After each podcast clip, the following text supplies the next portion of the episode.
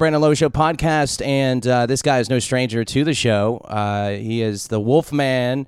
He is the man to get you pumped every week for some Mountaineer football. And man, it is game week. JMU coming to Morgantown. He is Dale Wolfley. Dale, welcome to the program. Oh, hey, thanks, Brandon. Thanks for having me on. Neal Brown and his staff, they come to Morgantown. Uh, you know, he comes in from Troy.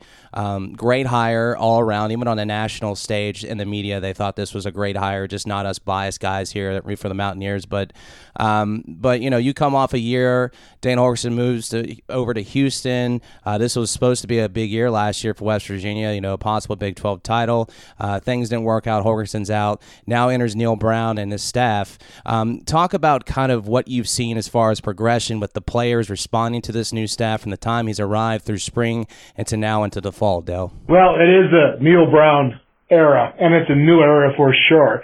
And I'm very excited about it. I will tell you this, I've been watching him since the day he walked in in early January all the way up through today. And what I see is I see a guy that is methodical. He's clear mind. He has a plan and he knows how to go about it and he knows how to get his coaches and staff and then transfer that down to the student athletes, the football players, to understand exactly where the goal is. I mean, I know, Brandon, that you've heard trust the climb. I mean, everybody has. But you know what? I'm going to say this right now is that the guy knows where he's going. So, and he's going up. He's not going level. He's not going down. Okay, trust the climb, and I'm buying in. Certainly, and that is the uh, the motto throughout the uh, the preseason camp, well, leading up to it, even was trust the climb, uh, and that is indeed what the fans need to do, and everybody involved with this program. Um, so, looking at Neal Brown, and uh, you know, the big question was who's he going to appoint as the quarterback? Now, a lot of people once Austin Kendall got the nod from Oklahoma that he could transfer into Morgantown. Um, a lot of people automatically assumed that Austin Kendall was Neal Brown's guy from the get go, but competition was uh, it was great uh, throughout, uh, according to coaches and things I was hearing from Morgantown. It was a pretty tight race there for a long time, and and then uh, Austin Kendall ended up uh, pulling out the starting gig. Kind of talk about watching kind of that quarterback battle, and you know ultimately Austin Kendall winning a job and what Austin Kendall brings to the table? Yeah, I think Austin really had a lead from the spring ball going through summer and into uh, summer camp. But Jack Allison really uh, has done some nice things. And Jack's got a big old cannon of an arm, and he understands. And then you got Trey Lowe, who brings a whole nother dimension uh, to the quarterback uh, situation and room. And, you know, so it was a tough battle. And there's no doubt is that I don't think there was uh, a true, like a big, big gap in between it all the way through until the end. I will sit there and say that I believe that that Friday night scrimmage that happened, the last scrimmage that they had, I think that was what convinced Coach Brown, the staff, to go ahead and name Austin as a starter. And since that has happened, it's amazing how the light goes on once a coach gives you the, the pointer and say, hey, go get it, kid, because you know what? He is now being vocal. He's now being a leader more so than he was. Not that it was a bad before, but I think he understands that, you know, he's been given the nod, so this is now his offense. Yeah, being more vocal. Neal Brown mentioned that in his press conference. Um, you know, and then behind him, he has a ton of running backs to hand the ball off to, which is going to allow a quarterback in a new offensive system, uh, hopefully getting rhythm early and often. If you can get the running game going, of course, that starts the offensive line. Where do you see this offensive line? Because Sills is getting reps there at uh, at center, and that's going to be extremely important between him and communication there with uh, Austin Kendall. Where do you see this offensive line this year? Well, I see it as doing a pretty good job if they stay healthy. I'm not going to say there's a lot of depth on this offensive line, but I do think right now they have six or seven guys that they feel that they have faith in that can go in and do the job. Now, you asked me about Josh Sills at center, and I just want to point this to you and, and to your audience and say, how many times have you seen a six foot six, 320 pound big, massive dude that blocks the doorway and blocks the sunlight coming in in the doorway when he walks in. This guy's playing center. Not only is it a position where he has to bend, and what I mean is his knees got to bend, his butt's got to get down low. I mean, you have to be an athlete to play center and to snap the ball. But then there's the cerebral challenges as well as you have to call the plays for the blocking on the offensive line. And there goes there's so much that goes into that. You know, I don't know if you call this friend because you weren't even probably alive then. But back in 1990, my senior year, I was the right guard. In the Boston College game, you know, Mike Compton, you know, broke his leg. And while we were waiting for them to put on the, the the frozen cast and all that water stuff they put on the leg and to isolate it, they're like, "Hey, Wolf, coach is calling you over to the sideline." I'm saying, "Well, what do you mean he's calling me to the sideline?" And, and they said, "Get over there." So I get over there, and uh, Coach Nehlen says, "Wolf, start taking some snaps." And I'm like, "What are you talking about? All I've ever done is in summer camp was give snaps." In the quarterbacks or center quarterback exchange, but I have never played center in my life. And I went in there at Boston College, and man, I'll tell you what, uh, it's a different world because you have a nose guard in there or a defensive tackle, and you're about three inches closer, three to four inches closer than they playing at either guard positions. And, and it's a different, and you got to snap the ball, and, and they're breathing their nasty breath on you, man. It's not cool. So with with Josh Sills being able to go and do that, it, it, it gets me fired up. Uh, the coaches seem to have liked the the change, and for Chase Behrens, it seems like he's more comfortable at the guard position as well. So it's a good for each guy, good flip. I mean, I think the you know Coach Matt Moore knows what he's doing. I, I think that uh, that the players like him, and if the players like him and they start to really love him, then they're going to play even more so a much more physical game, which I think that Neal Brown and Matt Moore are demanding out of that offensive line. Let's leave the offense with this. Uh, wide receivers, T.J. Simmons, obviously the man now. Alabama transfer came in last year and made some some nice plays, but uh, it was you know obviously overshadowed by the play of David Sills and Gary Jennings Jr. Now he enters in as the guy they said ahead into this year, but you had a couple guys come in and transfers. What uh, which wide receivers are you really looking to uh, really step it up this year for West Virginia? Well, you know, first of all, T.J. Simmons is a guy Okay, he's the leader. He's been around the longest. Uh, he's an intense guy. He wants to perform really well, so I'm going to go with him. But obviously, then you have to look what Sean Ryan, who just got eligible. I mean, if you want to think about this and talk about Neal Brown and his staff making coaching decisions, they went ahead and said, let's run Sean Ryan with the first team, even though we think he's going to be eligible, but we don't know he's going to be eligible. You know, that's an educated guess, man, right? That's a hypothesis. So he's already gambled a little bit. Now, it was an educated guess, but what happens if he, the NCAA, which nobody knows what they're, how they're going to go ahead and say this guy's eligible, this guy's not. No one knows that. So when you think about that, I mean, that is really cool. He's already making impressive moves. But then you go back to, so Sean Ryan, and then you got George Campbell, the transfer from Florida State. I mean, I like what I saw from Bryce Wheaton when he changed from spring to the summer. In the summer camp, he, he was a different cat. I mean, you know, you have uh, Tevin Bush out there. I know that uh, Coach Brown has said he's been up and down, but I look for that young man to make sure he's got talent. He just needs the confidence and be consistent.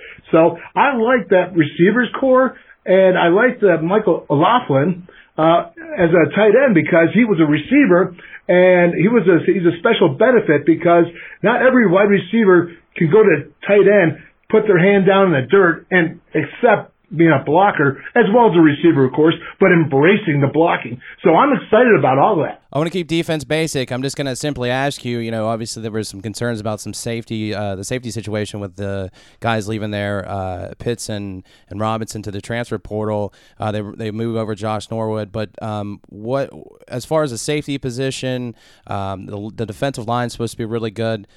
As far as the defense as a whole, we got this Vic Koenning defense coming in here. What are your expectations out of this defense in year one? Well, I'll tell you what, Vic Koenning, I think of as the mad scientist. It's it is an organized Chinese fire drill. If that can make sense to you, because Vic knows exactly what's going on, but there's a ton of moving parts, and he's actually mastered this defense. And I, I love what I see coming from because you know they used to say the three three five stack was an odd defense that teams had to prepare for differently, and it's only like once or twice a year they would see that as an offensive unit.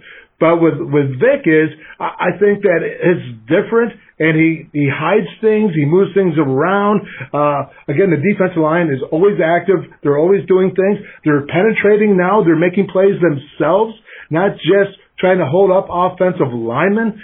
So I, I really like what I see of this defense. They're hungry. Uh, I know we have some guys that are inexperienced in the secondary, you know, but at least we do have Josh Norwood back there. And if you remember, Josh Norwood was third on the team in tackles last year at the cornerback position. And it wasn't because they were just try, always trying to pick on him. He liked to mix it up and get in there and stick his nose in the other team's business. And again, the young guys, hey man, they got to play through, right? I mean, you know, you got Hakeem Bailey, who's a senior. You know, you got Keith Washington, who's a senior out there. Yeah, we got some freshmen behind him. Hey, you know what? After your first game, man, you're you're no longer a freshman, anyways. So you're going to make some mistakes, but they have talent enough. And Nick Troy, Fortune, and male, I mean, I like these young guys. They like to battle. I mean, they have a lot of confidence for being young. Hey, let's move over to James Madison. Curt Cignetti comes in. Uh, you know, we all know about Frank Cignetti, his father. Uh, was a coach there at West Virginia, 76 to 79 as far as the head football coach, assistant from 70 to 75, uh, roughly. Um, those are kind of off the top of my head. Then had some success uh, there with IUP after that. But obviously, West Virginia being Curt's school, um, he comes in first year for him at James Madison, the Dukes. It's an FCS power. I believe they're number two in the country heading into this year. Um, and a lot of people think this could be a potential upset. Uh, you know, Vegas guys or whoever you want to put up there. But uh, but let's run through James Madison. What what scares you most about this James Madison team? Well, Brandon, I got to tell you, nothing scares me ever. Okay, but I will say this: is my concerns are is that this offense and defense is highly loaded in juniors and seniors. They have talent. They got transfers from Penn State, Ohio State, from Pitt. I mean, it keeps going on from UCF. Their running back. Uh, one of them, they got four running backs. They have a big offensive line. Uh, they, they returning four starters from last year, but they, they go six to seven deep because they all played last year. I mean, if you go ahead and you break down that NC State game of last year, the offensive line was killing it. I mean, they were taking that, uh, NC State defense and they were pushing them back. I mean, there was times when JMU really controlled the line of scrimmage. I'm not just giving coach a speaker. I'm telling you, this is a team that has very few holes on offense, defense, and special teams. But there's, you know, when you think about Coach Curt Cignetti, the guy is a winner. He went into Elon, who had lost like, or won like 12 out of 60 games and their previous years, and he went in and came out with a winning record of like 14 and 9. I mean, that's impressive in itself. We all know what he did at IUP. You know, his father, Coach Cignetti, actually is a friend of mine, and I, I had the highest respect for them. You know, and when you think about how Coach Brown and staff has to go in and prepare for this. So, if you let's let's take a look at this right now. So you go in there and you say, okay, what film are we going to watch?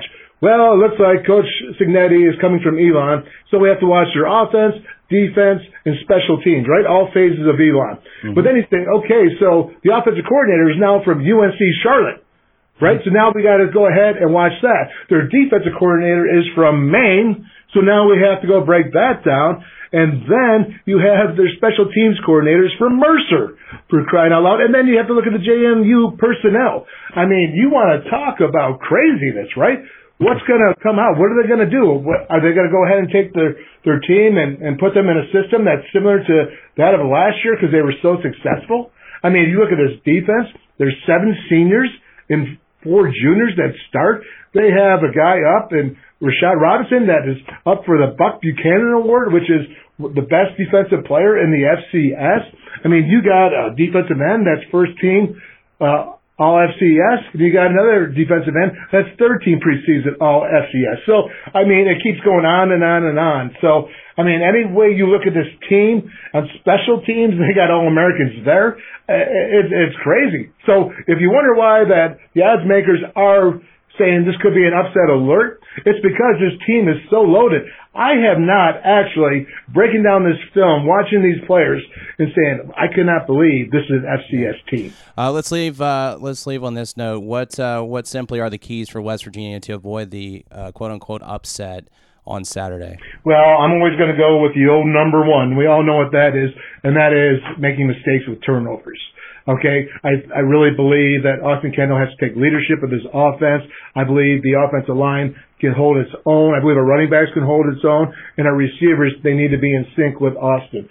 Okay, no turnovers, and I think that honestly they should get out and try to go as fast a start as possible. But that's just my opinion. Uh, I want early success can be early confidence. On defense, you know, they got to just keep going and fighting and flying around and what I've seen all summer long in practice. And I, I do like what I see there. And, and, uh, you know, Vic Koenning's going to have to probably put these young guys in some positions that can kind of cover up any deficiencies. But I mean, he's the old wizard, man. He's been doing this for I don't know how many years, but it's been decades for sure.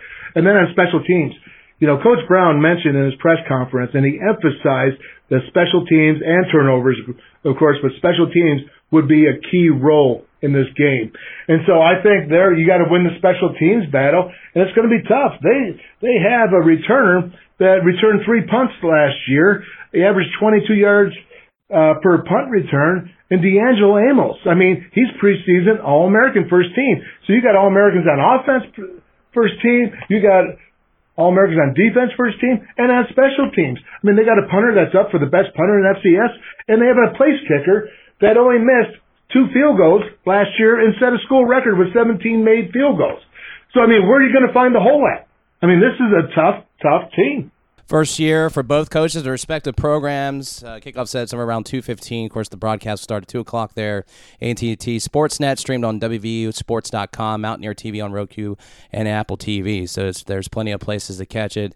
Uh, and, of course, uh, Wolfman, you'll be doing the pregame stuff and getting everybody ready as well for that game. And uh, just appreciate your patience uh, getting you on here and appreciate your time breaking down this matchup. And let's go Mountaineers. Yeah, hey, listen, one last thing, man Tell your audience, bring their A game out here. This is not a sleeper. This is not a usual opening FCS game. This is the real deal, and we got to get behind Coach Brown and that Mountaineer football team and do it. You're right. Let's go, Mountaineers.